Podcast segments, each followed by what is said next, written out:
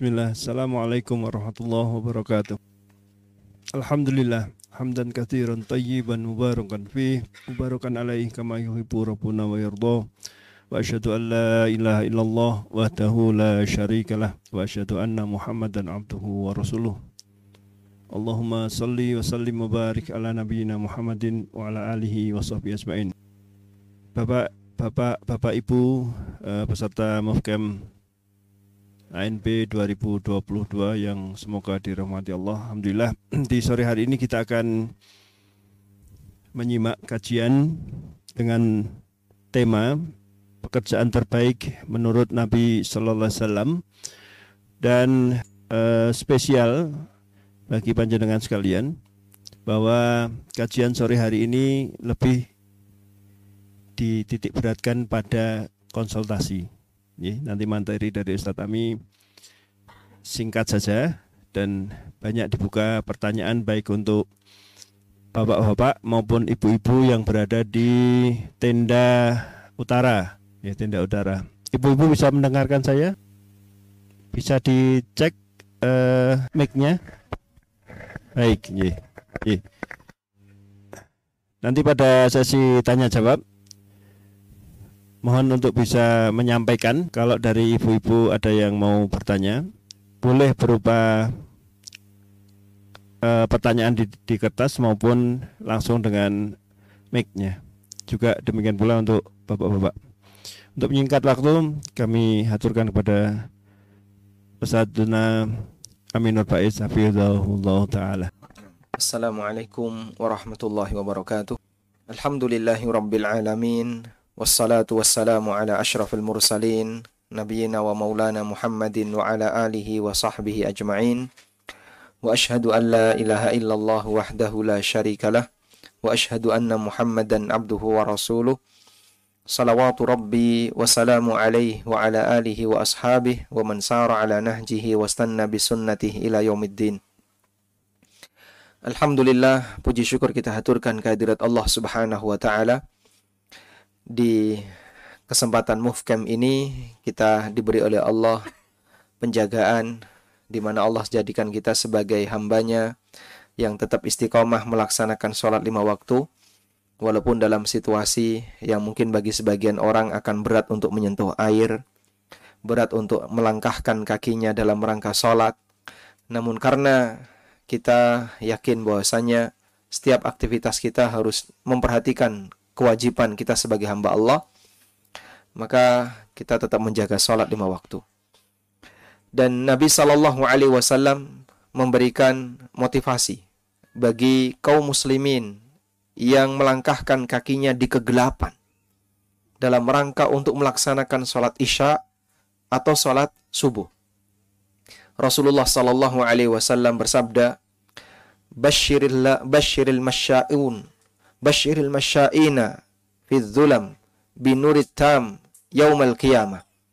Berikanlah kabar gembira kepada al-masyain, orang-orang yang berjalan fi dhulam di kegelapan malam ilal masjid yang berangkat menuju masjid binurit tam yaumal qiyamah dengan cahaya dari Allah yang sempurna kelak di hari kiamat.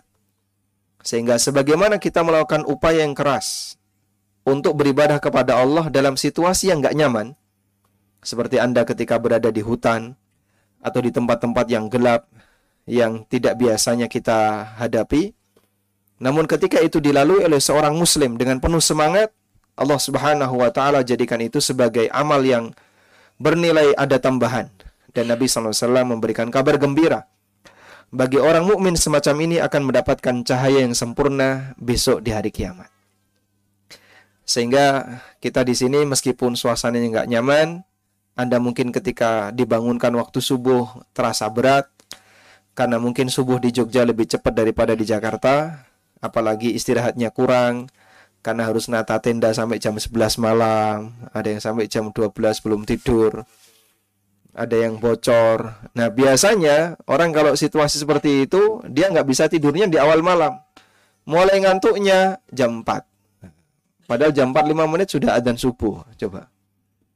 Akhirnya dia begitu dibangunkan, badannya masih lemas, tapi dengan iman yang dia miliki, dia tetap bangkit untuk melaksanakan sholat subuh. Karena situasi kita barangkali tidak senyaman di hotel dan ini sebagaimana yang kita sampaikan di technical meeting ya, bahwa camping adalah camping. Dan yang namanya camping tenda rembes kemudian tenda basah itu sudah hal yang biasa. Karena kami dulu sebelum ini sudah menjalani itu, maka kita tularkan kepada yang lain. Baik.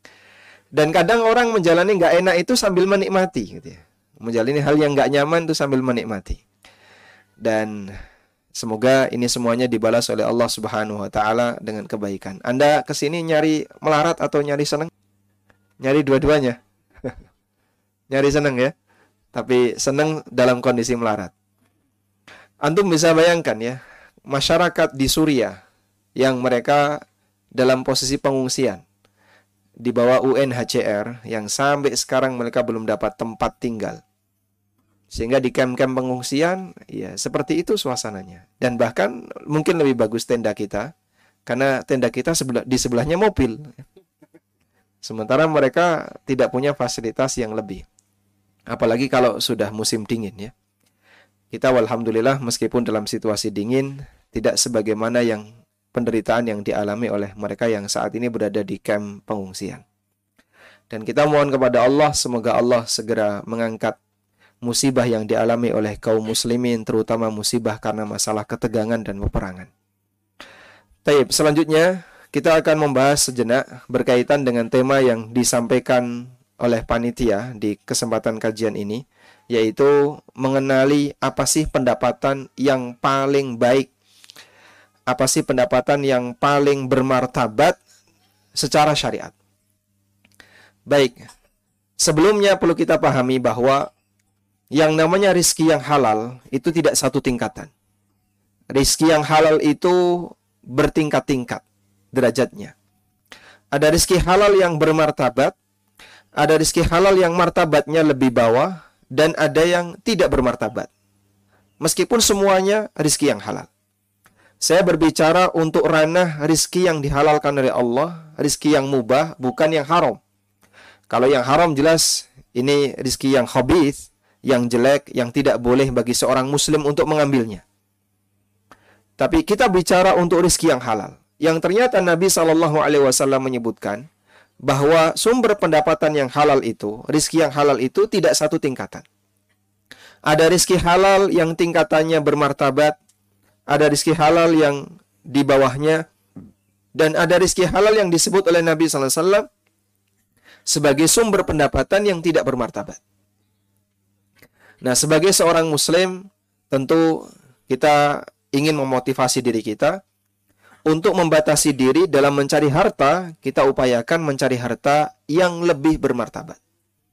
Agar kita mendapatkan pujian sebagaimana yang diberikan oleh Rasulullah sallallahu alaihi wasallam. Wa talabus syaraf dan mencari yang tertinggi termasuk di antara kemuliaan. Sebagaimana dulu para sahabat, mereka berusaha untuk melakukan itu. Umar bin Khattab radhiyallahu anhu pernah mengatakan, "Kunna nada'u tis'ata syarin minal halal makhafatan an nudrika fil haram. Kami dulu meninggalkan sembilan, sembilan dari sepuluh peluang yang halal. Ada sepuluh peluang, semuanya halal. Sahabat Umar berbicara untuk sesuatu yang halal. Ada sepuluh peluang yang semuanya halal, kami tinggalkan yang sembilan, dan kami ambil yang satu, makhafatan an nudrika fil haram, karena kami khawatir akan terjebak dalam sesuatu yang haram. Subhanallah. Sebab yang namanya hamba, ketika dia tidak hati-hati, maka bisa jadi dia terjerumus dalam kondisi tidak tidak sadar. Sehingga bagi para sahabat, mencari harta itu tidak hanya sebatas yang penting halal, tapi mereka juga mencari nilai martabat. Mereka juga mencari nilai martabat. Kita kalau tidak bisa seperti sahabat, maka tirulah mereka illam yakunu mithlahum illam takunu mithlahum fatashabbahu fa inna tashabbuha bil kirami falahu. Kalau kamu tidak bisa seperti sahabat, maka tirulah sahabat. Karena meniru orang yang mulia adalah keberuntungan. Baik. Kemudian dalil yang lain yang menunjukkan bahwasanya rizki itu ada yang dipuji oleh Nabi SAW dan disebut sebagai rizki yang tinggi derajatnya. ada harta yang disebut oleh Rasulullah SAW sebagai harta yang saleh. Seperti yang disebutkan dalam hadis dari sahabat Amr ibn al-As radhiyallahu anhu. Sahabat Amr ibn al-As radhiyallahu anhu, beliau masuk Islam dan kemudian diangkat oleh Nabi Shallallahu alaihi wasallam menjadi salah satu panglima perang. Dalam peristiwa peperangan itu, beliau berhasil menang hingga membawa harta ghanimah. Lalu Nabi Shallallahu Alaihi Wasallam memberikan harta ghanimah itu kepada sahabat Amr ibn al-As sebagai panglima.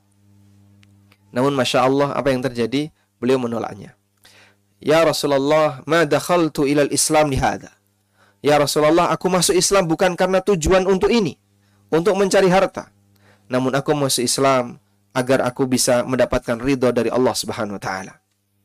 Namun, namun Nabi Shallallahu Alaihi Wasallam tetap memberikan motivasi kepada Amr bin As dan beliau mengatakan, Khud ya Amr, ni'mal malus saleh ma'ar rajulis saleh. Ambillah wahai Amr, karena sebaik-baik harta adalah harta yang saleh dibawa oleh orang yang saleh.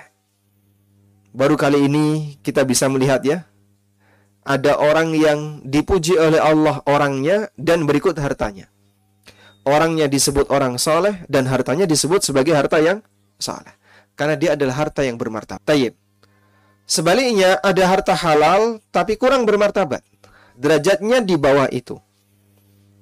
Sehingga ini memberikan peringatan bagi kaum muslimin, kamu jangan jadikan ini sebagai sumber pendapatan. Sebagaimana yang ditunjukkan oleh Nabi Shallallahu alaihi wasallam dalam hadis riwayat Muslim. Nabi Shallallahu alaihi wasallam menyebutkan wa ujratul hajjam khabith upah tukang bekam adalah harta yang khabith. Khabith dalam kalimat ini, dalam hadis ini, maknanya bukan sesuatu yang haram.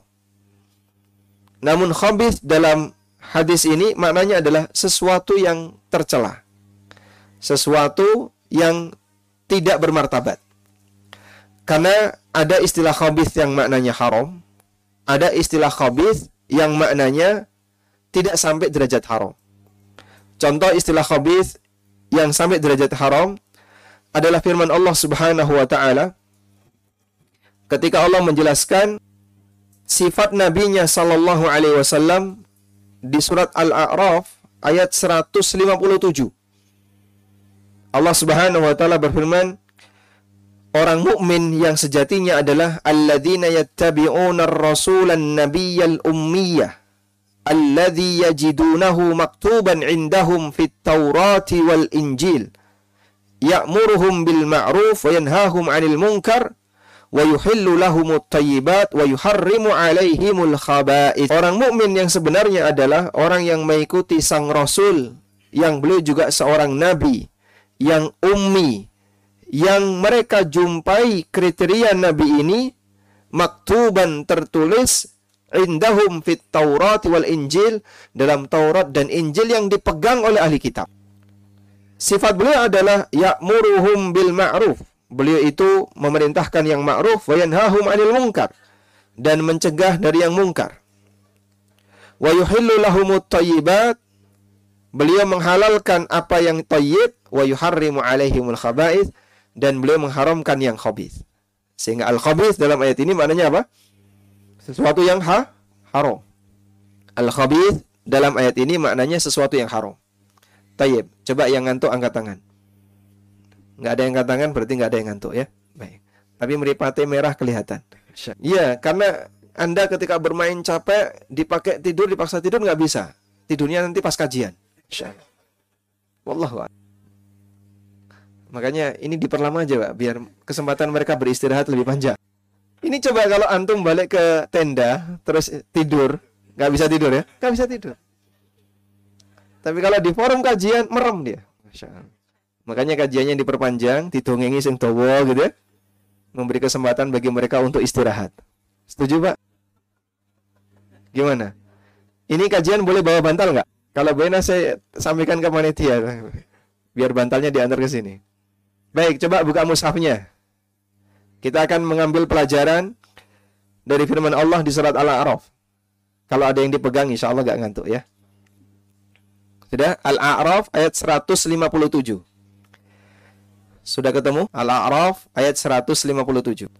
Al-A'raf surat nomor berapa? Ayat 157. Surat berapa? Surat ke-7. Sudah? Baik, Nabi Muhammad Sallallahu Alaihi Wasallam, Anda percaya nggak disebutkan dalam Taurat dan Injil? Bapak sudah pernah baca Taurat? Belum. Sudah pernah baca Injil? Ada nggak nama Nabi Muhammad SAW di situ? Belum pernah baca, belum belum belum belum pernah baca berarti belum tahu. Berarti kalau saya katakan, apakah cerita tentang Nabi Muhammad Sallallahu Alaihi Wasallam ada pada Taurat dan Injil? Ada. Dari mana Anda tahu? Al-Quran yang bicara. Meskipun kita tidak pernah membaca Taurat dan Injil, maka sampaikan kepada mereka, saya yakin Nabi Muhammad Sallallahu Alaihi Wasallam Allah sebutkan dalam Taurat dan Injil. Meskipun kita tidak pernah membaca Taurat, nggak pernah membaca Injil. Begitu ya. Tayyib. Dan Allah katakan beliau itu maktuban indahum fit Taurat wal Injil. Tertulis dalam Taurat dan Injil yang mereka miliki. Bukan yang dimiliki oleh kaum muslimin. Untuk menepis dugaan atau menepis adanya apa sangkaan bahwasanya kaum muslim memalsu Taurat dan Injil. Lalu menyisipkan nama Nabi Muhammad SAW di situ. Tidak pernah kita melakukannya. Kita menghargai kitab suci. Sehingga kitab suci apa pun kaum muslimin tidak pernah coba-coba untuk memalsukannya. Coba ada nggak kaum muslimin yang dalam sejarah berusaha untuk memalsukan isi Injil? Nyisipkan satu ayat atau ngubah hum jadi hu gitu. Ada pak? Tidak pernah. Dalam sejarah kita tidak pernah. Tapi kalau ada orang Nasrani di beberapa negara yang lain nambah-nambahkan ayat dalam Al-Quran ada apa? Banyak. Kita tidak pernah menyikapi kitab suci dengan pelanggaran seperti ini. Sehingga kalau ada banyak sekali atraksi, mereka membuka Al-Quran, lalu mereka sobek surat Al-Fatihah, atau mereka sobek yang di situ ada ayat yang berbicara masalah jihad. Al-Quran mereka sobek. Lalu mereka bakar kaum muslimin tidak pernah melakukan pembalasan terhadap Taurat dan Injil.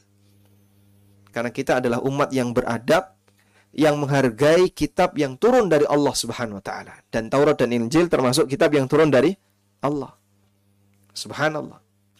Makanya Allah Subhanahu wa taala tegaskan di sini sifat Nabi Muhammad sallallahu alaihi wasallam yajidunahu maktuban indahum fit Taurat mereka jumpai mereka ini siapa? Yahudi dan Nasrani. Yahudi dan Nasrani jumpai kisah itu ter, tertulis dalam Taurat dan Injil yang ada pada diri mereka. Sehingga mereka tahu itu. Maka Allah Subhanahu wa taala di ayat yang lain menyebutkan ya'rifunahu kama ya'rifuna abna abna'ahum. Mereka mengenali Nabi Muhammad sallallahu alaihi wasallam sebagaimana mereka mengenali anak mereka sendiri. Saya mau tanya. Bapak, Bapak Ibu ya. Bapak Ibu mengenali anak bapak ibu dengan mengenali Nabi Muhammad SAW lebih kenal yang mana? Eh? Lebih mengenali anak. Yahudi dan Nasrani itu kata Allah seperti mereka mengenali Nabi Muhammad Sallallahu Alaihi Wasallam seperti kamaya arifuna abnaahum seperti mereka mengenali anaknya sendiri. Masa kaum muslimin kalah? Kita sebagai umat Muhammad Sallallahu Alaihi Wasallam seharusnya kita lebih mengenali beliau daripada yang bukan umat beliau Sallallahu Alaihi Wasallam. Makanya kalau kita tidak kenal Nabi Muhammad SAW itu aneh. Yahudi dan Nasrani itu disebut oleh Allah ya'rifunahu kama ya'rifuna abna'ahum. Mereka mengenali Nabi Muhammad Sallallahu Alaihi Wasallam sebagaimana mereka mengenali anaknya. Berarti kalau bapak ibu seharusnya idealnya mengenali Nabi Muhammad SAW melebihi orang Yahudi dan Nasrani mengenali Rasulullah Sallallahu Alaihi Wasallam. Kira-kira upaya apa yang bisa kita lakukan untuk mengenali Nabi kita?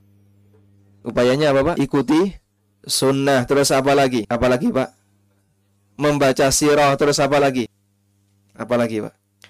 Ada buku yang disebut oleh para ulama sebagai buku syama'il. Jadi buku yang berkaitan dengan Rasulullah Sallallahu Alaihi Wasallam itu kan ada banyak ragam. Ada yang bentuknya sirah, Sirah ini menceritakan tentang perjalanan hidup Rasulullah SAW secara global. dan ada buku khusus yang menyebutkan tentang khasais keistimewaan Nabi SAW yang dikenal dengan buku Al-Khasais. Kemudian ada buku yang berbicara khusus memperkenalkan ciri fisik Nabi SAW yang disebut dengan buku Ash-Shama'il. Dan ada buku yang khusus membahas peperangan-peperangan di zaman Nabi SAW yang disebut dengan Al-Maghazi. Empat buku ini semuanya adalah buku khusus. Jadi ranahnya ranah khusus. Ada buku fikih, ada buku tafsir itu ranah khusus ya. Aliran-aliran khusus. Empat buku ini semuanya fokus membahas Rasulullah SAW. Ada Al-Maghazi, ada Ash-Shama'il, ada Al-Khasais, dan ada Sirah Nabawi. Yang paling terkenal memang Sirah. Nah mungkin kami sarankan teman-teman perlu membuka buku Ash-Shama'il karena buku Ash-Shama'il itu menceritakan tentang ciri fisik Nabi Sallallahu Alaihi Wasallam sebagai bukti cinta kita kepada Rasulullah SAW sehingga kita berupaya untuk mengenali beliau. Sebagaimana ketika antum lagi jatuh cinta ya, yang dilakukan apa? Kepo mencari, mencari tahu orang yang menjadi objek yang dicintai. Sehingga dia berusaha untuk mengenali.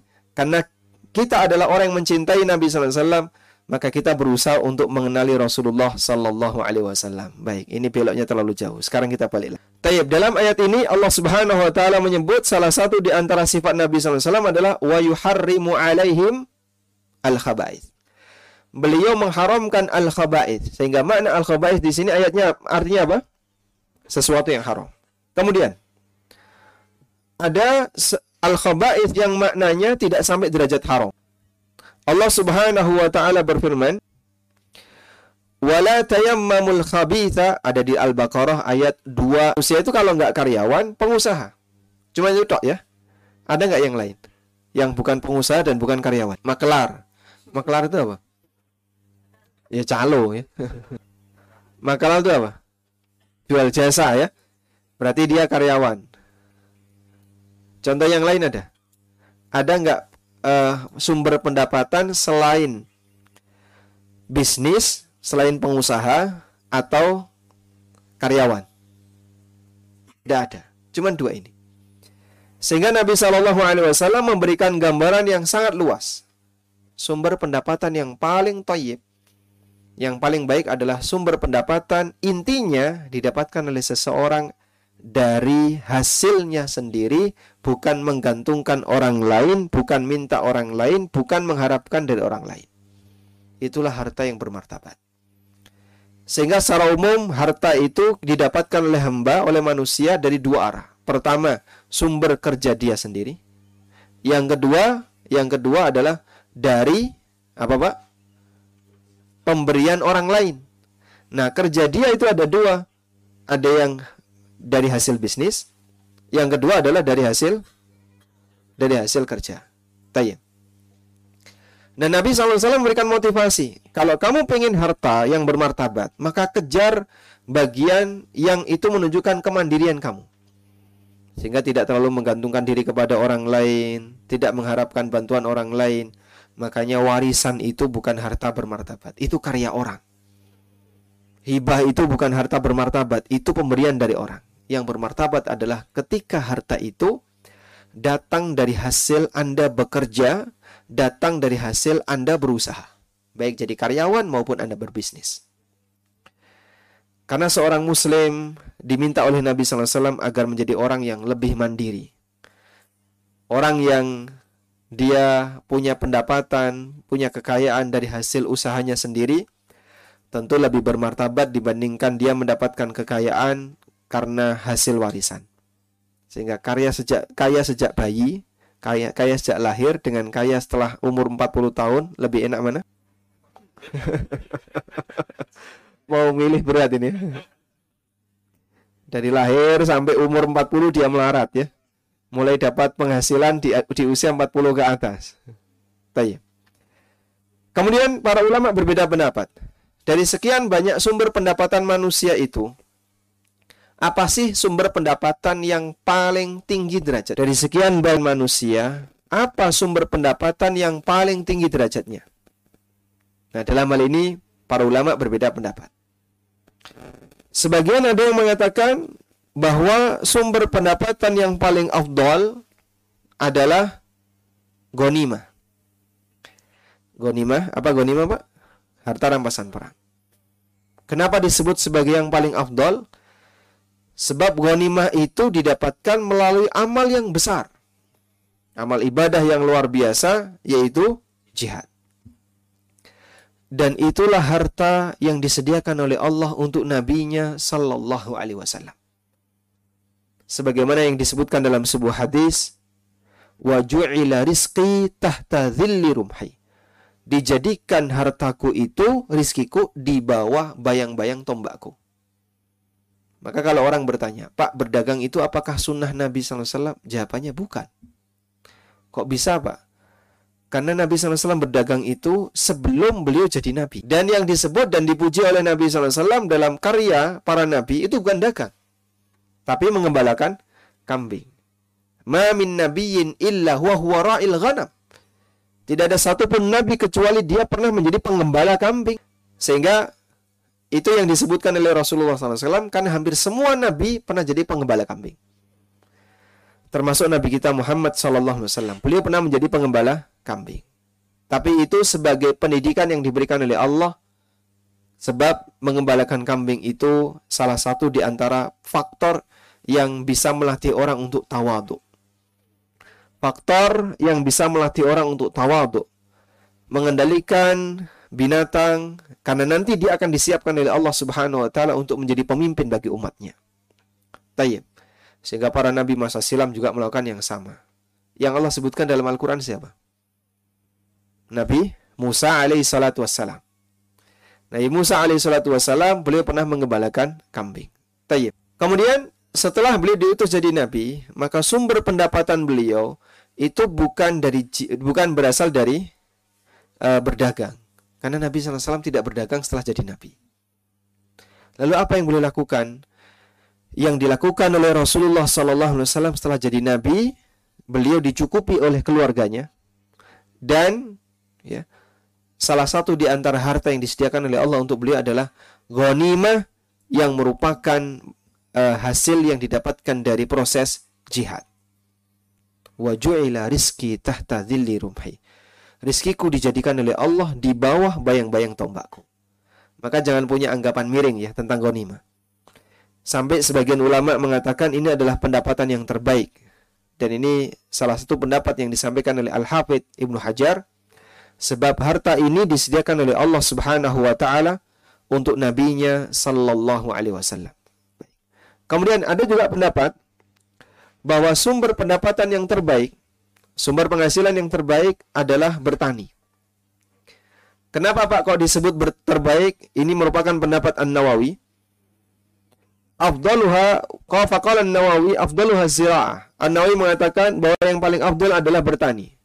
Dan ini juga pendapat yang dimiliki oleh Al-Mawardi, salah satu ulama Syafi'iyah. Dengan alasan bahwa bertani itu lebih dekat kepada bertani itu lebih dekat kepada tawakal orang nandur ya. Kemudian setelah itu dia tawakal kepada Allah. Ya sudah, kita tawakal. Nanti ketika tumbuh, dia tawakal. Ketika besar, dia tawakal. Meskipun belum ada hasil. Sebab siapa yang menumbuhkan itu? A'antum tazra'unahu am nahnu zari'un? Apakah kalian yang menumbuhkan ataukah kami yang, yang menumbuhkan? Tentu jawabannya adalah Allah Subhanahu wa taala. Manusia hanya menaruh benih lalu kemudian dia ngasih air atau ngasih obat. Kalau bukan karena kehendak Allah, benih itu tidak bakalan bisa tumbuh. Sehingga orang yang bertani itu dia bekerja sambil diiringi ibadah tawakal. Baik. Kemudian ada yang berpendapat bahwa yang paling afdol, pekerjaan yang paling afdol adalah pekerjaan al-kasbu biliyat wahiyas sun'ah. Memproduksi sesuatu memproduksi sesuatu. Apa-apa yang diproduksi bebas. Semua yang bisa diproduksi ketika dia kerjakan, maka itu menjadi pekerjaan yang paling afdol, sumber pendapatan yang paling afdol. Dan ini juga pendapat yang disebutkan oleh An-Nawawi. Namun kata beliau wakil dan ada sebagian ulama yang mengatakan Artinya itu bukan pendapat beliau, tapi beliau mengutip pendapat ulama yang lain. Wakila dan ada yang mengatakan afdalu tijarah yang paling afdal adalah berdagang. Sebagaimana ini juga disebutkan oleh An-Nawawi ketika beliau menjelaskan pekerjaan yang paling afdal. Sehingga ada banyak versi yang disampaikan oleh para ulama. Dan ada satu kesimpulan yang disampaikan oleh Imam As-Sa'di rahimahullah. Syekh Abdurrahman bin Nasir As-Sa'di rahimahullah pernah mengatakan, pendapatan yang paling afdol, sumber pendapatan yang paling afdol adalah disesuaikan dengan passion masing-masing orang. Ada yang dia itu lebih cocok jadi karyawan. Disuruh mandiri nggak sanggup. Ada yang lebih cocok jadi pengusaha. Diminta jadi karyawan, dia nggak betah. Masing-masing manusia berbeda. Ada sebagian orang kalau jadi karyawan dia itu anteng. Pak, daripada saya pusing mikir mikir ini, mikir ini udahlah jadi karyawan. Datang pulang, datang pulang, tiap bulan terjamin dapat gaji. Begitu dia disuruh untuk menjadi pengusaha, wah, dia bingung dia. Pusing dia. Pusing mikir pajak, pusing mikir laporan, pusing mikir klien nanti tidak ditipu dan seterusnya. Dan aneka resiko yang bisa dia dapatkan. Makanya sebagian orang lebih condong A, tapi ketika pengusaha ini disuruh jadi karyawan dia nggak bisa, Pak. Suruh duduk masuk jam 8, melbu jam setelah duhur. Nah, biasanya bos sekarang jadi karyawan. Nggak bisa dia. Masing-masing orang berbeda-beda. Masya Allah. Allah jadikan manusia seperti itu agar satu dengan yang lain bisa saling melengkapi. Cuman begini ya, ada sebagian orang yang bilang begini. Secara umum Pak, jadi pengusaha itu lebih bagus, lebih bermartabat daripada jadi karyawan. Setuju nggak kayaknya? Tergantung orangnya, tergantung yang ngomong ya. Hah? Tergantung pelakunya. Ya ada yang bilang gini ya, dilihat dari tingkatannya, jadi pengusaha itu lebih bermartabat daripada jadi karyawan. Alasannya apa Pak? Begini, dulu di zaman Nabi SAW, di zaman Nabi SAW, ada budak ya, ada budak. Nah, sebagian budak itu nggak mau dimerdekakan. Kenapa Pak? Saya lebih baik jadi budak Anda, jadi budak Bapak, karena terjamin mangan turu gratis kan ter terjamin.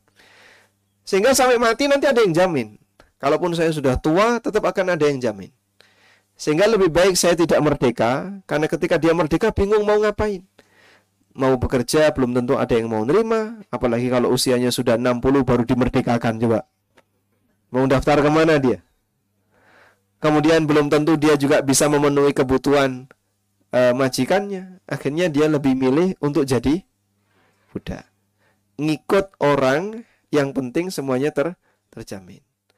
Nah kalau ada orang seperti itu di zaman sekarang disuruh resign dia nggak mau.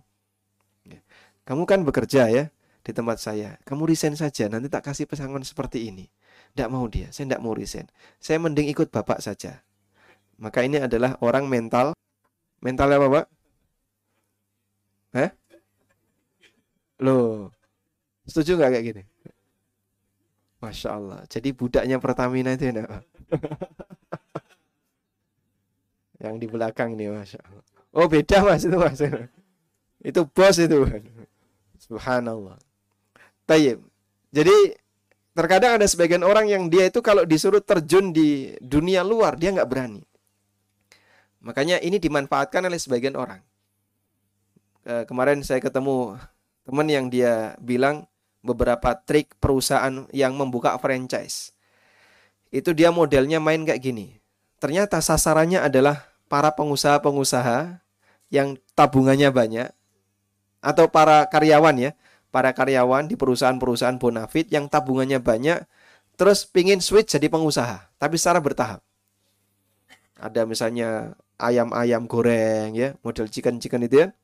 Sudah? Nanti dibuat brand, brandnya belum begitu banyak, harganya berapa Pak? Untuk membeli satu franchise, harganya 500 juta. Dari 500 juta itu 50% untuk bakar duit. 250 juta itu dipakai untuk buyback. Jadi ada orang dikasih duit, kamu silahkan nanti belanja di toko ini secara bergilir. Jadi maksimal sehari 100. Buat seperti banyak antrian di foto, upload di Facebook. Masya Allah. Brand itu cepat naik, Pak. Ternyata yang 50% tadi adalah dipotong, ya, digunakan untuk biaya seperti ini. Sehingga dia apa kadang order sendiri. Order sendiri. Atau nyewa orang ya. Silakan kamu order lewat uh, food food itu ya. Mau grab food mau go food mau shopee food. Sehingga terkesan banyak yang order brandnya cepat naik padahal itu permainan nah kemudian para karyawan-karyawan yang punya banyak tabungan tapi gak keluar-keluar itu nah, ngelirik seperti ini tertarik. Oh ini bagus sekali. Brandnya bagus. Padahal dia baru akhirnya belilah franchise 500 juta Pak, ini nanti akan ada pembinaan dari kami selama tiga bulan. Setelah itu kita akan lepas dan kami serahkan. Tiga bulan itu dia bermain di 250 juta, separuh. Pendapatan di hari yang pertama, ya, bagus. Hari kedua bagus. Bulan pertama bagus. Bulan kedua bagus. Bulan ketiga bagus. Begitu selesai, sudah. Bulan yang keempat nangis. Dan itu umum jamaah. Tayyip. Makanya uh, dalam masalah ini memang dikembalikan kepada apa? Passion masing-masing. Ada orang yang passionnya di kanan, ada yang passionnya di sebelah depan, ada yang di sebelah kiri dan seterusnya. Ikuti sesuai passion.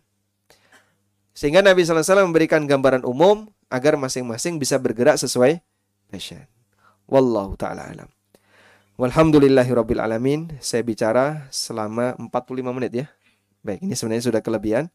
Mungkin itu yang bisa kita sampaikan sebagai pengantar. Semoga bermanfaat. Wassalamualaikum Muhammadin wa ala alihi wa sahbihi wasallam. Baik, jazakallah atas materi di sore hari ini. Berikan waktu kepada jamaah sekalian untuk tanya jawab. Baik, satu, dua, tiga. Kita mulai tiga dulu. Monggo silakan. Mic-nya tolong. Ya. Mohon diperkenalkan dari mana pekerjaan boleh disebut enggak? Boleh ya? Boleh ya, baik. Ya. Silakan. Monggo silakan. Assalamualaikum warahmatullahi wabarakatuh. Waalaikumsalam warahmatullahi wabarakatuh. Tanya Ustadz, saya Bapak Serang. Pak Ade dari Serang ya. Pekerjaan dokter. Uh, tadi ada istilah uh, hadis pekerjaan COVID yang tukang bekam itu, ya, nah. Ustadz ya. Uh, itu kalau misalkan dianalogkan kondisi yang sekarang apakah sama dengan misalkan tukang pijit. Nah, terus misalkan uh, karena kalau contoh tunanetra, dia mungkin salah satu pekerjaan yang dia bisa tunanetra itu mungkin ya.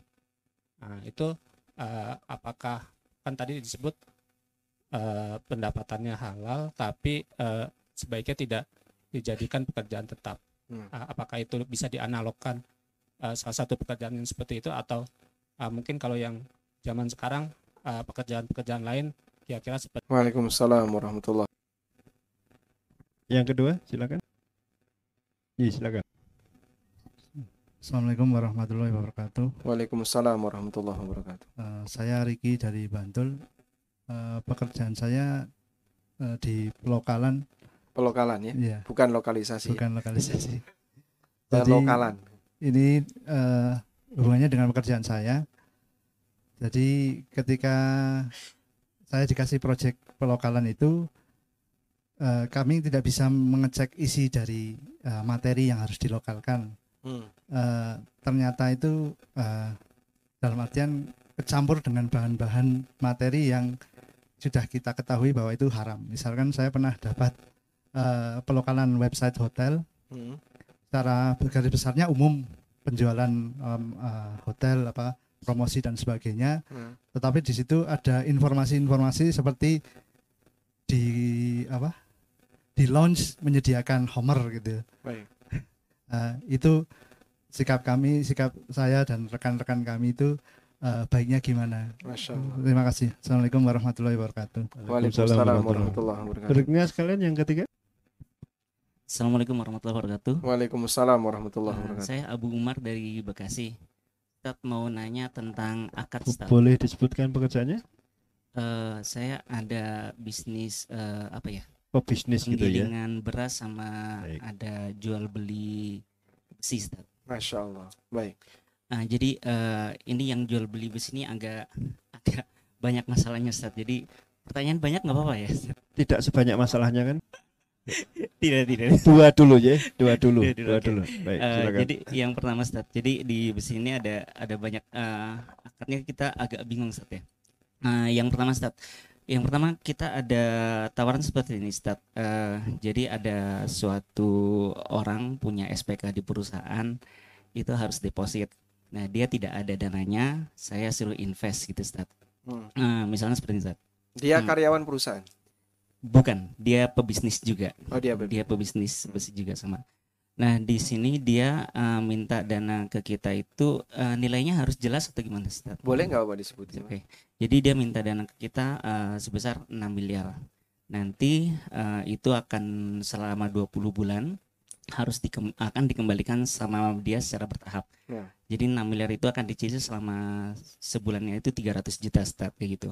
Dan selama eh, transaksinya berlangsung itu kira-kira sebulannya itu ada sekitar 500 tonan eh, transaksi yang akan dilakukan kita eh, yang dia janjikan seperti itu. Berarti dia ngambil barang dulu, Hmm. totalnya senilai 6 m tadi ya. Eh, itu hanya untuk deposit mati saja Ustaz. Dia setor deposit 6 miliar. Deposit jadi itu Belum ditaruh barang- ditaruh sebagai syarat bahwa dia bisa ambil SPK itu Ustaz. Oke. Jadi itu tidak buat transaksional. Oh gitu. Iya. Baik. Lalu eh, eh, setelah itu dia menjalankan pembelian dengan dana dia sendiri. Jadi dia hanya butuh depositnya aja dia tidak ada. Deposit yang menyediakan Bapak. Iya, ya Baik, kita dia disuruh pinjam. Baik. betul seperti itu. Eh, lalu nanti selama setiap bulan dia akan transfer itu 300 juta start. Hmm. Pengambilannya sampai 20 bulan sampai selesai. Hmm. Lalu eh, selama transaksi itu berjalan misalnya satu bulan ada 500 ton. Nah, kita dikasih pembagian apa namanya ya? Istilahnya bagi hasil lah ya, senilai 1.200 rupiah per kilonya. Seperti itu, Ustaz. Dia belanjanya dari mana? Dia belanjanya dari perusahaan penghasil, Oh, bukan dari Bapak ya. bukan. Oh. Jadi dalam pengeluaran penghasil lalu dikirim ke peluburan. Nah, nanti peluburannya itu pem, apa? atas nama apa namanya? eh, atas nama dia atau nama saya juga bisa Ustaz, seperti itu. Nah, ini eh, diperbolehkan atau tidak, Ustaz? Dan karena saya juga belum ada dananya segitu, jadi saya cari-cari orang, Ustaz.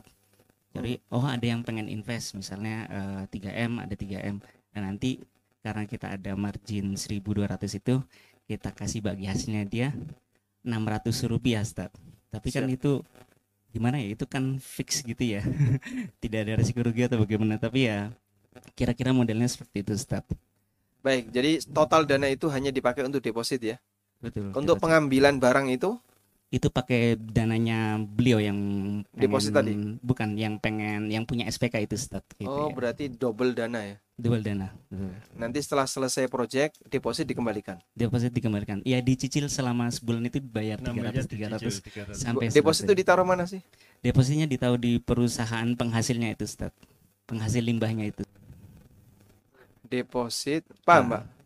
Deposit ditaruh di perusahaan Penghasil limbahnya. pembeli atau penjual? Pem- penjual?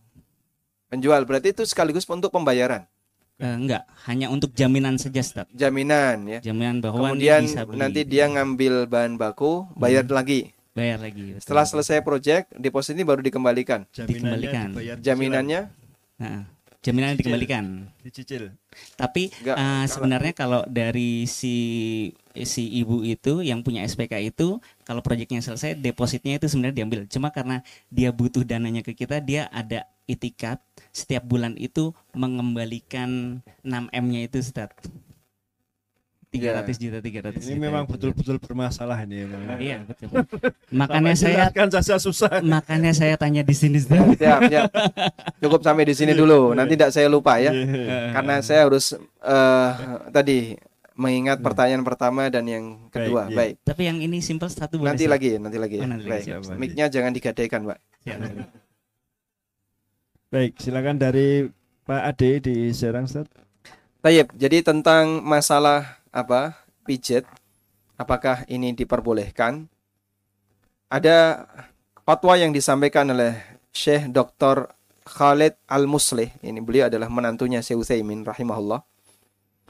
Dan Syekh Dr. Khalid Al-Muslih ini termasuk salah satu rujukan kami ya dalam kajian tentang fikih muamalah. Tentang masalah pijit, beliau menyebutkan at-tadlik yang qasimu ila kismain. Pijit itu dibagi menjadi dua. Yang pertama, tadlik ilaji. Pijit yang tujuannya untuk pengobatan. Misalnya ada rekomendasi dari dokter atau dia adalah ahli dalam bidang pengobatan tertentu limu'alajati dha'fin fil adalat au ghairi dzalika minal aghrad untuk mengobati urat-urat yang sakit atau tulang-tulang yang perlu dirapikan dan seterusnya. Hukumnya boleh.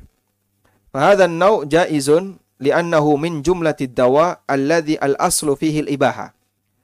Jenis pijit semacam ini hukumnya boleh, karena ini termasuk di antara bentuk pengobatan yang hukum asalnya adalah mubah. Lakin akan tetapi yajibu hifdzul aurat minan nazar wal lamsi illa ma tad'u ilaihi haja. Wajib untuk menjaga aurat dan sentuhan di daerah-daerah yang tidak boleh disentuh kecuali jika mendesak untuk dibutuhkan. Sehingga misalnya mijit paha ya tetap ditutup ya. Mijit kemudian apa perut misalnya. Perut boleh dipijit tidak boleh punggung ya. Punggung ya nanti tidak boleh melebihi di bawah pusar. Karena itu bagian dari aurat. Sehingga kalau di bawah pusar ditutup tapi boleh dipijit. Misalnya bagian pantat dipijit silahkan. Yang penting dengan uh, menutup aurat dan jika dibutuhkan untuk pemijatan di daerah-daerah vital atau daerah-daerah aurat maka harus tetap tertutup.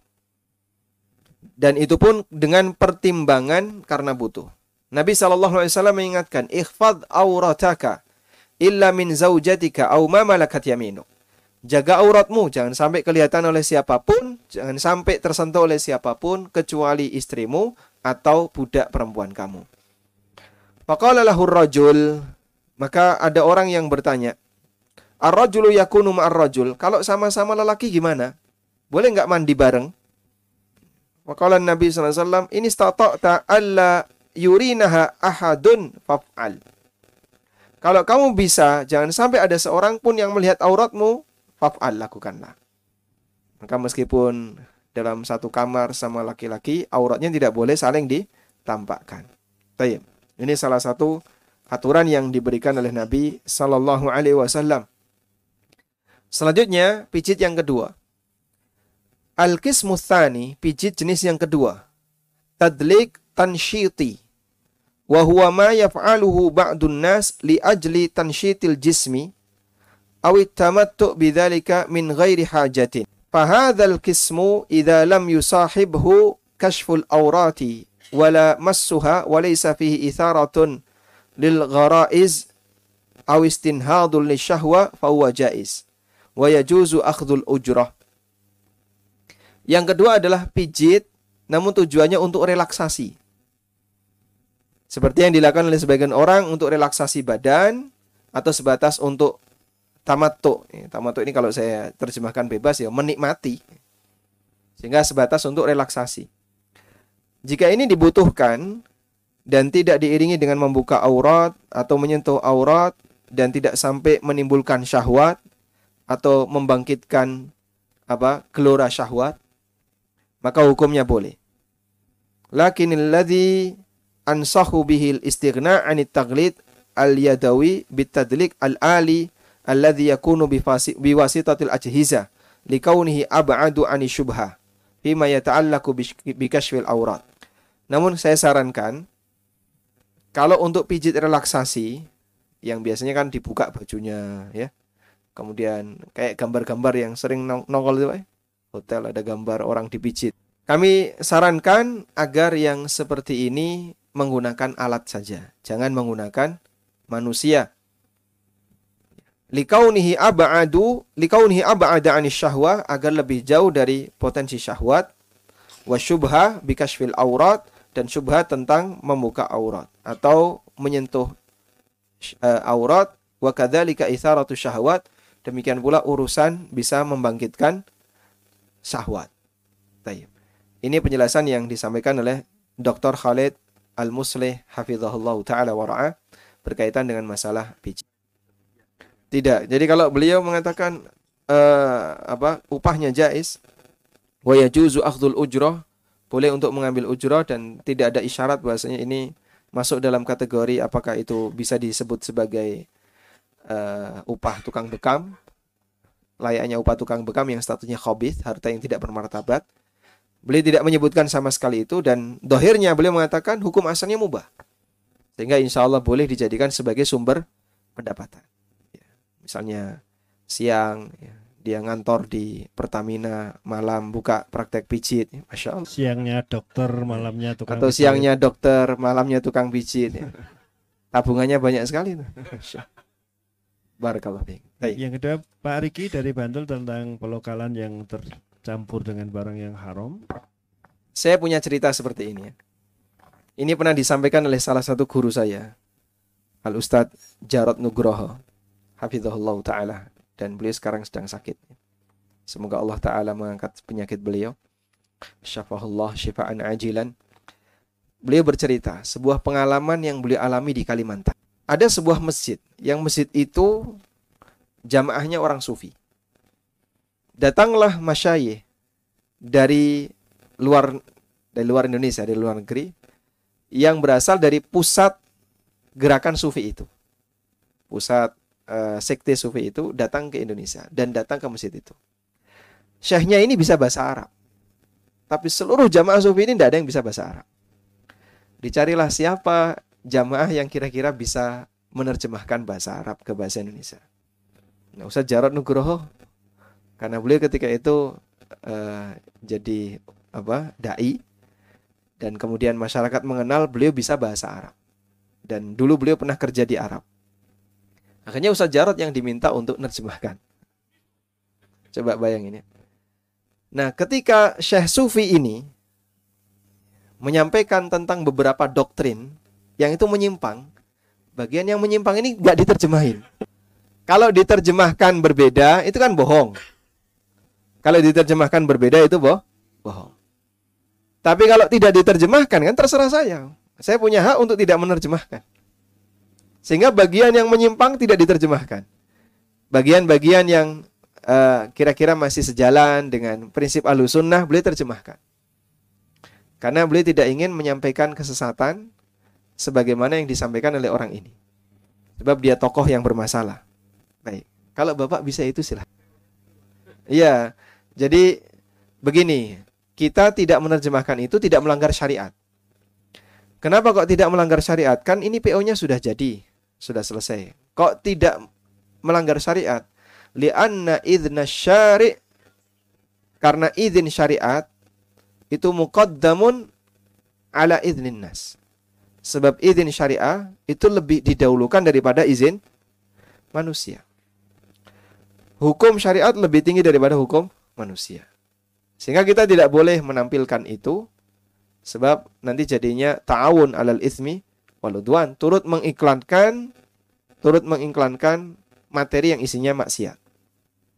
Sehingga mungkin nanti Anda cukup sebutkan dalam proses pelokalan itu dari bahasa asal ke bahasa Indonesia Anda terjemahkan misalnya eh, di kafe disediakan minuman yang apa misalnya yang aneka warna atau aneka rasa ya. dengan aneka efek yang berbeda. Nah iya toh. Kopi sama teh kan beda ya. Antara pahit ya, dengan kecut sama nggak efeknya pak? Orang kecut kan mukanya kayak gimana kalau kecutan pak? Baik. Insya Allah kalau sebatas kalimat itu, pelokalan itu nerjemahnya harus letterlek nggak? Harus tekstual. Ada vendor lain yang ngecek hasil pelokalan. Nah kok kemudian vendor yang ngedit itu ngubah, itu terserah, terserah dia. Bapak tidak menaruh kalimat itu, tapi kalau kemudian ada vendor lain yang ngubah, kemudian dia naruh kalimat itu, terserah dia. Allah. Tayyib. Ustaz. Baik, yang ketiga, saya ini perlu diskusi ya, kayak Ustadz Eh, Irwandi kalau Tolong ada anunya mikrofon masih ada Pak. Siap Ustaz. Baik. Jadi ada berapa pihak di situ Pak? Pertama ada pihak penghasil besinya, penghasil limbahnya, Penghasil limbah limbah A. A. Mm-mm. Lalu ada si B ini Si B. yang punya SPK untuk mengambil limbahnya ini, Ustaz. Baik, Mengambil besinya ini, Ustaz. baik. Nah, lalu ada pihak C itu adalah eh, Penampung. penampungnya. Baik. Lalu D adalah fundingnya. Taib. fundingnya Ustaz. Investor. investornya Ustaz. Nah. Mm. Taib. Kemudian posisi funding dia memberikan uang senilai 6M Mm-mm. untuk hanya dijadikan sebagai jaminan, betul bukan dijadikan sebagai alat bayar. bukan tapi pada dasarnya eh eh, apa ya kayaknya sih 6M itu digunakan untuk memang tadinya buat jaminan Ustaz Hmm. karena si tadi si yang ngambil B ya B ini tidak punya dananya tapi kan selama berjalan 20 bulan itu dia ada penghasilan stat Ya. makanya dia itu akan kembalikan ke pihak si fundingnya jadi si fundingnya ini tidak murni berinvestment untuk si SPK itu Baik. Gitu. Eh, ada satu buku yang saya tulis judulnya Pengantar Permodalan dalam Islam ya. Iya. Dalam buku itu kita menjelaskan tentang prinsip akad mudorobah dan musyarakah. Dua akad ini yang saya bedah di buku itu. Dan salah satu di antara prinsip dalam akad mudorobah ketika ada orang invest dalam bentuk dana, maka kapan dia berhak untuk menerima keuntungan? Dia berhak untuk menerima keuntungan apabila dana yang diinvestasikan itu digunakan sesuai untuk kebutuhan unit usaha yang dijalankan. Sehingga memang dia dana yang dibutuhkan untuk unit usaha itu. Bukan dana di posisi aman. Digunakan untuk unit usaha itu berarti dia berpotensi berpotensi mengalami kegagalan. Misalnya rugi atau apa, berpotensi mengalami kegagalan. Begitu ya.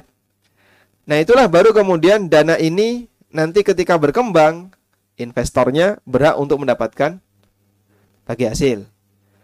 Tapi kalau dana ini diberikan oleh pihak funding, lalu hanya sebatas jadi jaminan, hanya sebatas jadi jaminan, sudah? Kemudian nanti di posisi jaminan, jaminan ini kan aman ya.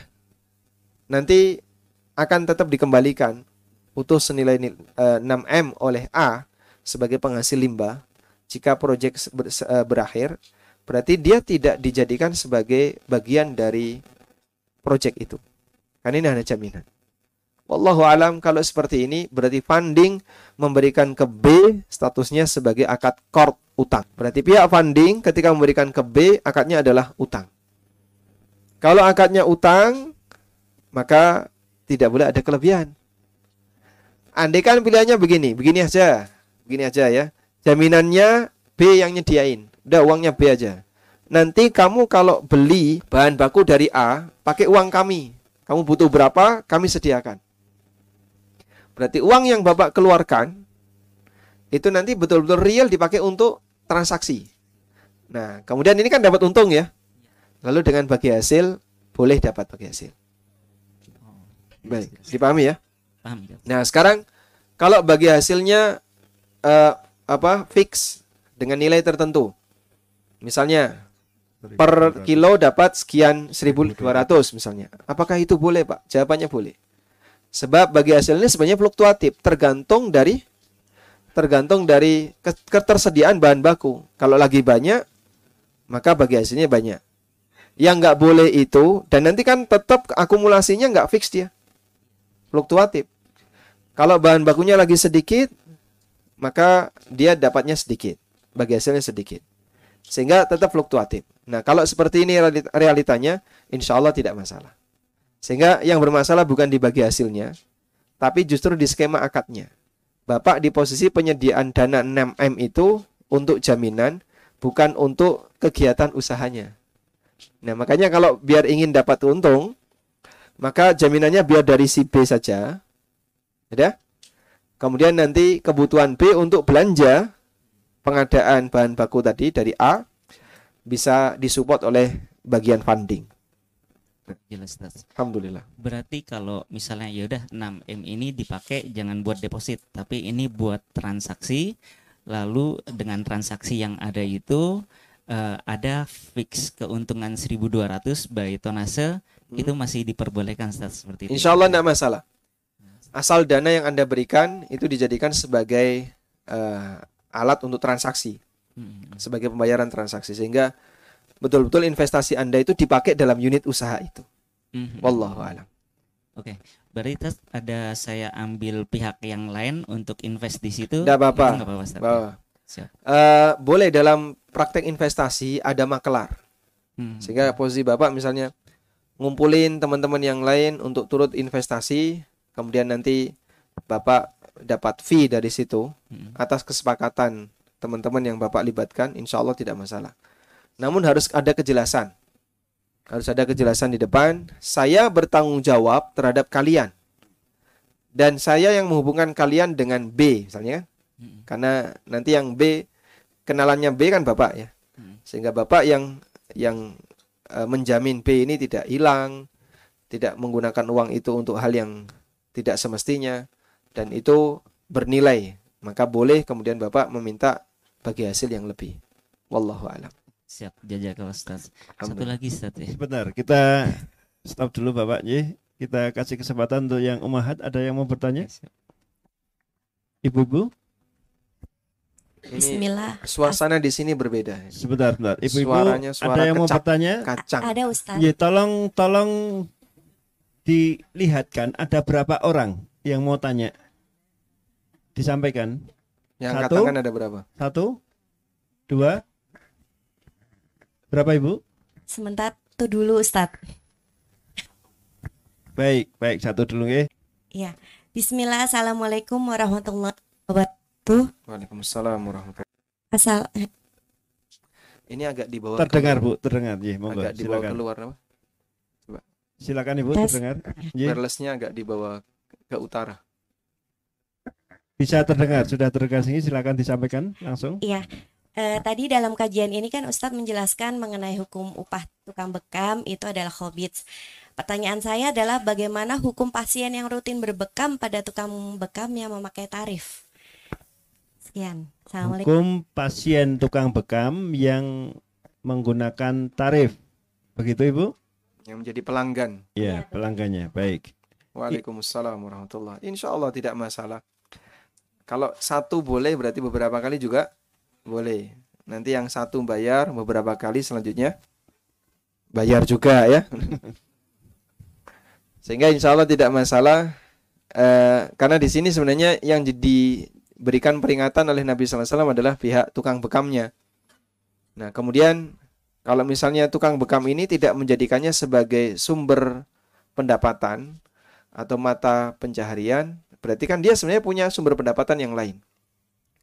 Sumber pendapatan saya yang utama, saya direktur Chevron. Cuman kalau malam saya jadi tukang bekam. Misalnya kok seperti itu ya sah-sah saja. Sehingga ini kan sebatas hobi ya, menyalurkan hobi terus dia dapat uang. Begitu Ibu, ada lagi dari Umahat? Ada lagi Ibu dari pertanyaan? Baik, kalau tidak kita kembalikan ke Abu Umar. Siap. Ya, makasih. Eh, jadi ini ini eh, yang pengen saya tanyain umum banyak di masyarakat seperti ini, Ustaz. Jadi saat kita pengen masuk suatu perusahaan Ustaz ya, Ya. biasa kita nawarin suatu barang ke purchasing gitu ya. Eh, purchasing ini biasa kadang suka minta Ustaz. Minta. Terus kan kita bingung ya. Ini masuk marketing fee atau masuk nyogok atau masuk apa Ustaz? Terus ada juga beberapa gini, kita eh, ada kalanya seperti ini. Eh, ada yang memang seperti itu, ada juga yang eh, begini. Kalau kita tidak kita tidak ingin kasih, Ustaz. Tapi kalau kita tidak kasih, hak kita tidak keluar. Seperti produk kita dijelek-jelekan atau kita didepak tanpa tanpa ada-ada aja dibikin kesalahannya atau kita direcokin. Nah, ini bagaimana kita menyingkapinya, Ustaz? Apakah jadi seperti apa gitu, Ustaz? Cakapnya. Baik. Kalau posisi bagian purchasing tadi bukan karyawan instansi yang membutuhkan barang Bapak. Dia orang lain sehingga posisi dia sebagai perantara atau makelar. Maka insya Allah dia diberi fee, diberi ujroh, diberi apa pun boleh. Bapak mau se- sebut sogok ya tidak apa-apa itu berarti sogok yang halal. Kalau dia bukan karyawan.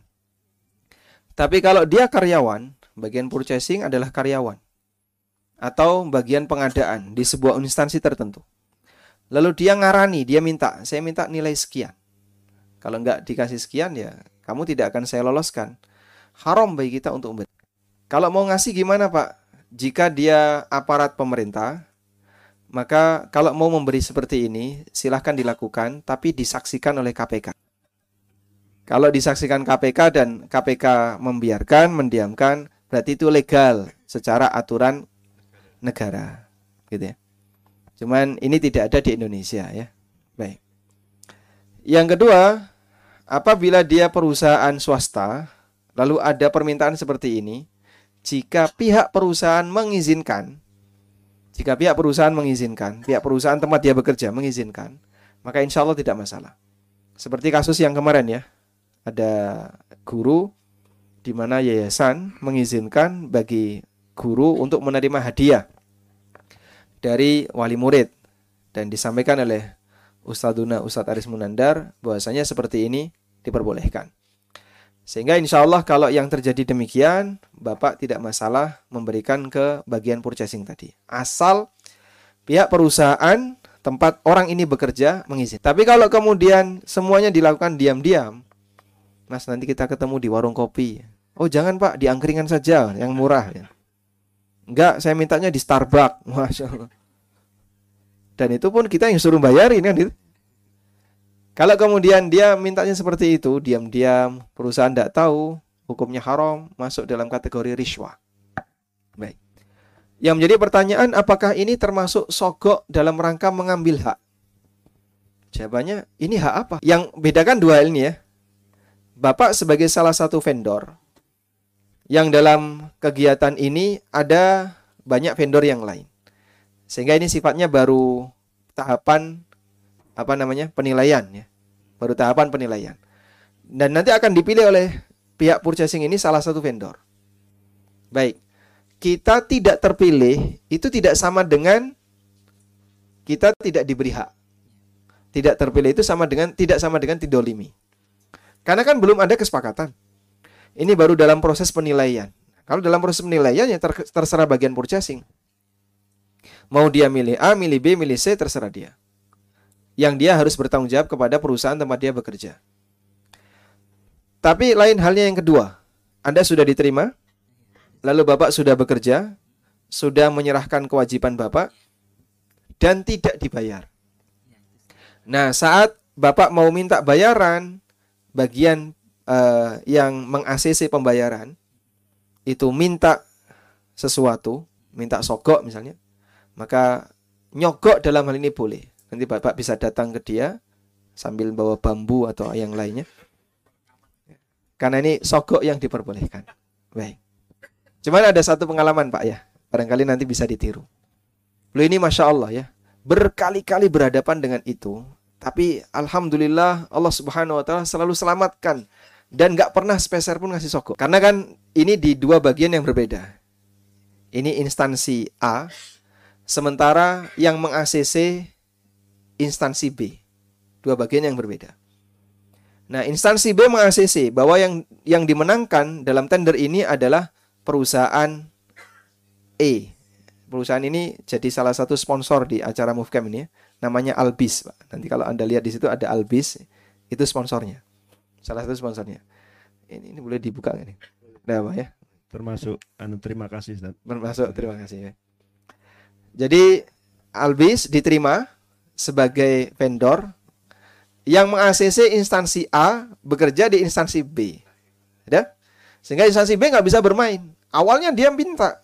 Nanti kalau Bapak mau berhasil, saya dikasih berapa? Albis diam aja. Beliau itu diam aja.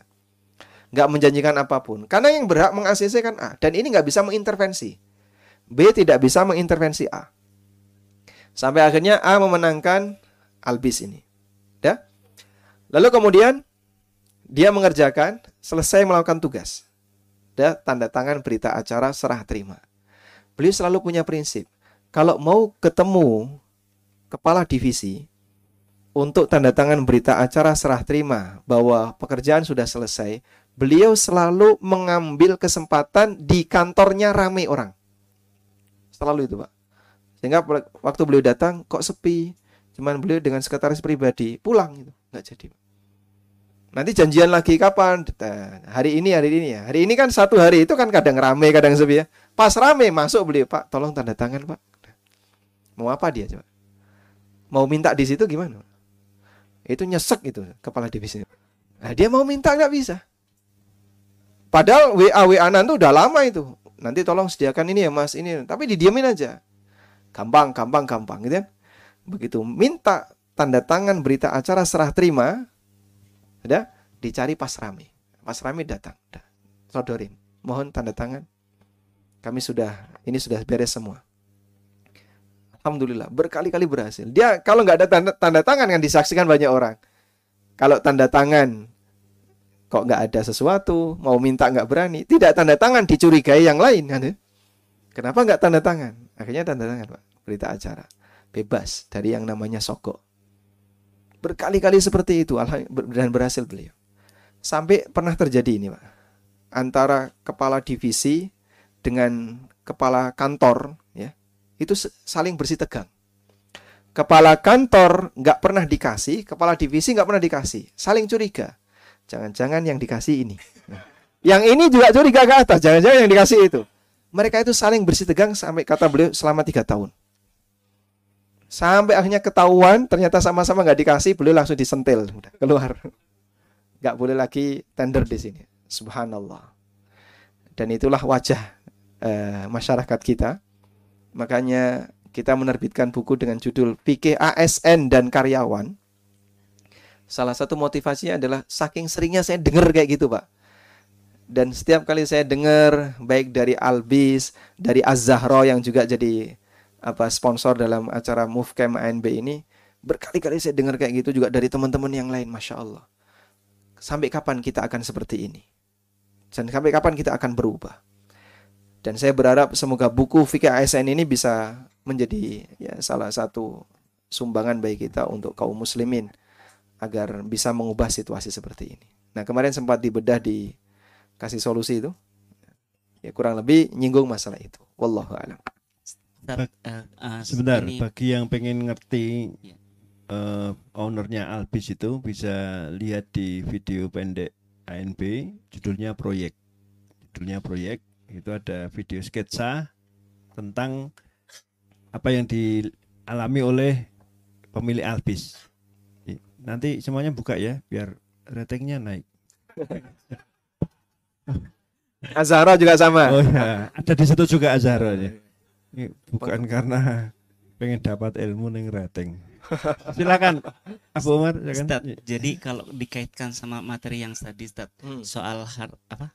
harta yang bermartabat dan tidak. Nah. Ini kan sebenarnya jadi di lain sisi kan kok gini banget gitu kok memang banget gitu ya Ustaz, ya, gitu. kok gimana kok gini banget gitu yeah. ya itu sebenarnya kasusnya adalah kita udah existing tapi saat kita sudah berjalan di dalamnya direcokin terus Ustaz. jadi kita udah jadi vendor existing gitu ya jadi kita tiap bulan kita harus kasih kasih kasih terus Bapak sudah diterima jadi vendor sudah sudah Ustaz.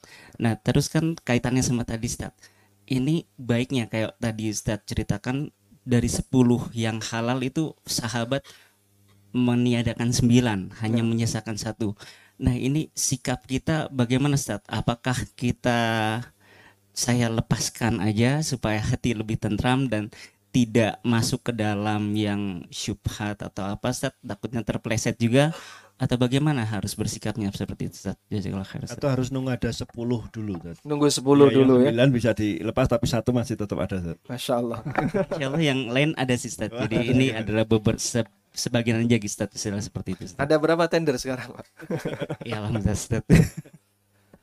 Tayyip, kalau Bapak merasa bahwasanya dengan cara ini setiap hari kita harus bermaksiat, bermaksiat dan itu dosa besar Pak Sebab yang nanggung maksiat seperti yang dosa ini tidak hanya yang menerima, termasuk yang memberi. Ar-rashi wal finnar. Yang nyogok dan yang disogok dua-duanya di neraka. Laknatullah ala rashi wal murtashi. Allah melaknat yang nyogok dan yang disogok. Jadi dua-duanya kena. Makanya jika seperti itu setiap hari yang kita lakukan atau setiap saat kita lakukan, gimana kita bisa selamat? Padahal kita menghendaki harta yang bermartabat, harta yang bersih. Ada salah satu juga karyawan yang tanya ke saya. Saya bekerja di perusahaan, perusahaannya perusahaan halal, manufaktur yang halal. Cuman beliau di bagian yang berurusan dengan kedinasan. Berurusan dengan dinas maksudnya. Ya. Namanya dinas kan dalam kurung dinas, Pak ya, sehingga tertutup kurungnya. Saya tidak perlu banyak bertanya. Kamu seperti ini berapa kali dalam sebulan? Ya, kalau hubungannya banyak dinas ya, ya banyak uang amplop yang dikasihkan. Andaikan kamu di bagian bengkelnya, produksinya, bagian apa, gajimu halal. Tapi kalau di bagian ini, terlepas dari pemiliknya belum ngaji, pemiliknya belum ngaji, dia sudah kenal sunnah, dia sudah belajar ngerti masalah halal haram. Tapi dia di bagian itu, saya sarankan pindah bagian. Perusahaanmu perusahaan yang halal, pendapatannya halal, insya Allah gaji karyawan halal. Tapi kamu berada di posisi yang mengerjakan maksiatnya perusahaan.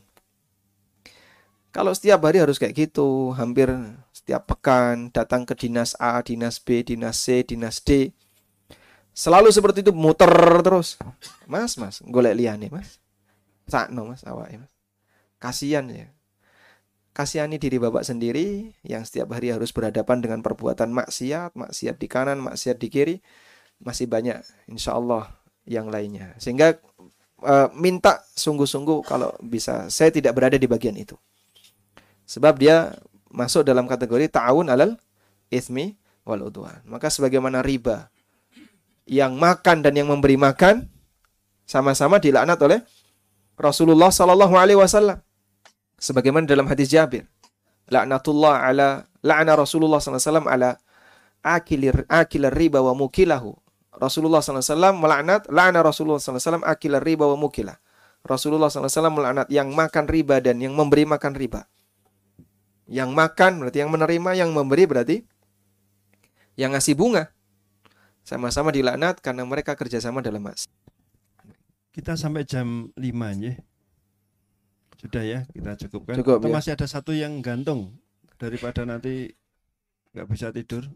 Satu saja satunya yang paling depan. nanti Hasan. setelah maghrib apa apa? setelah maghrib Setelah maghrib istirahat karena menuju nanti di Ba'da Isya baru ada makanya ini disuguhkan kacang untuk ganjel Oh, gitu. karena nanti makannya setelah Isya makanya setelah Isya ganjel dulu aja makanya ganjel dulu tas ganjil kacang ya sak sak kulite kudune.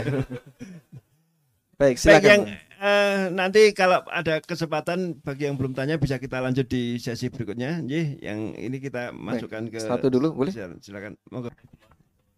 Waalaikumsalam. Ya, eh, izin bertanya Ustadz. Eh, akhir ini saya punya hobi memilih memelihara ikan hias Ustadz. Hmm. Lah iseng-iseng dilala saya posting iklan kok laku gitu Ustadz. Ya. Nah, gimana hukumnya kalau eh, menjual ikan hias tapi bukan ikan konsumsi gitu Ustadz? Baik, Terima kasih Ustadz. Jazakallahu khair. jazakallah khairan. Baik. Ini boleh nggak kayak gitu, Pak? Ikannya cilik tapi larang gitu. Intinya begini ya. Dalam kaidah fikih jual beli, dalam kaidah fikih jual beli, salah satu di antara syarat sah transaksi adalah objeknya punya manfaat yang mubah. Objek punya manfaat yang mubah. Gitu? Nah, termasuk bagian dari manfaat yang mubah adalah dimakan, dikonsumsi, dan seterusnya. Baik. Kalau untuk hiburan itu manfaat mubah atau tidak? Hiburan itu manfaat mubah nggak, Pak? Hah? Manfaat mubah. Selama hiburan itu adalah hiburan yang mubah. Sehingga seperti misalnya eh, burung ya. Kecil tapi mahal. Kecil tapi dia lincah, suaranya bagus 40 juta. Mahal ya. Boleh nggak Pak transaksi ini? Mahal padahal dia burungnya kecil. Di sate aja begitu masuk di pembakaran hilang semua saat tulang-tulangnya. Memang manfaatnya bukan di dagingnya, tapi manfaatnya adalah di hiburannya. Nah, sama halnya ketika ikan hias dan yang lainnya. Cuman begini Pak, tolong ya, sebagai orang yang beruang atau berduit, sebagai orang yang berduit, ya, perhatikanlah tentang masalah pengeluaran. Sebab pengeluaran ini juga nanti akan dipertanggungjawabkan di di akhirat. Kadang orang kaya juga butuh pengarahan untuk bisa mengarahkan hartanya. Masa burung merpati 2M? Pernah kan kemarin viral ya? Harga dua satu pasang burung merpati berapa? Betul 2M. Orang kaya perlu diarahkan untuk bisa menggunakan hartanya di tempat yang benar. 2M itu kalau diwakafkan untuk ANB sudah jadi gedung itu. Oh, sampai sekarang apa gedung baru yang mau dipakai untuk studio ANB Berani dibangun belum berani dibangun karena dananya kurang. Karena ini kalau dibangun baru satu pondasi sudah berhenti nanti ya, dananya kurang. Subhanallah, sampai seperti itu. Makanya kita kasih motivasi sah-sah saja Anda melampiaskan hobi di tempat seperti ini, namun jangan lupakan yang lebih urgent dan yang lebih apa mendesak dan kita butuh amal untuk akhirat. Wallahu taala alam. Taib, demikian yang bisa kita sampaikan. Semoga apa yang sedikit ini bermanfaat.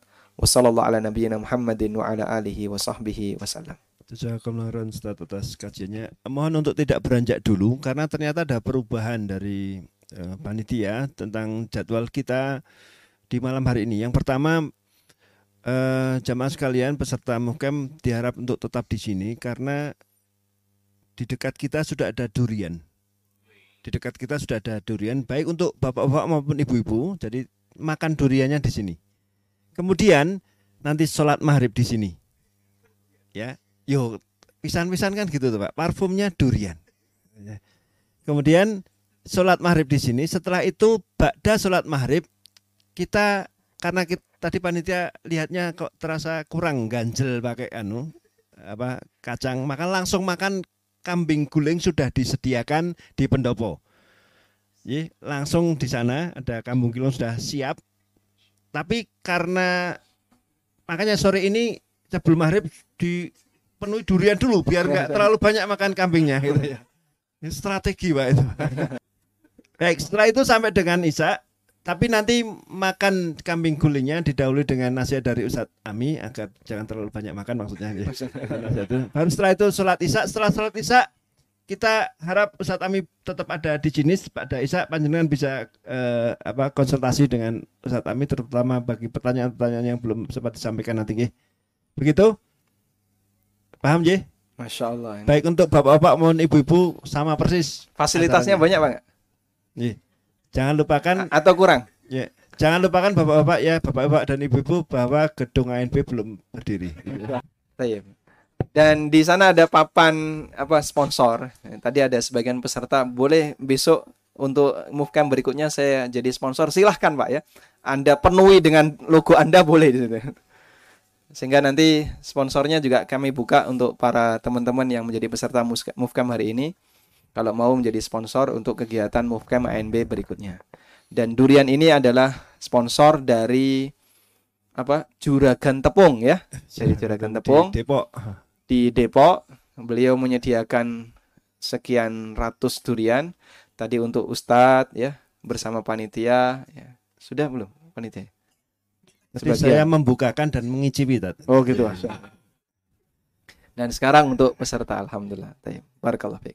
Baik, semoga kajian ini menjadi kajian yang bermanfaat bagi kita semua dan kita berharap bisa kita berdoa bisa istiqomah dalam mencari ilmu dan semoga kita mendapatkan ilmu yang bermanfaat. Sekali lagi silakan menikmati durian, kemudian sholat maghrib. Pada maghrib kita menuju ke pendopo untuk mendengarkan nasihat Ustadz Ami dan makan kambing guling. Setelah itu sholat isya di sini. Kita lanjutkan dengan konsultasi eh, konsultasi tidak resmi bahasanya apa ya? Ya baik tanpa tanpa di record ya. Atau di record juga boleh. Boleh baik. Ya. Demikian Bapak Bapak Ibu-ibu eh, peserta Mukem ANP 2022 22 banyak saya banyak salahnya saya mohon maaf. Assalamualaikum warahmatullahi wabarakatuh.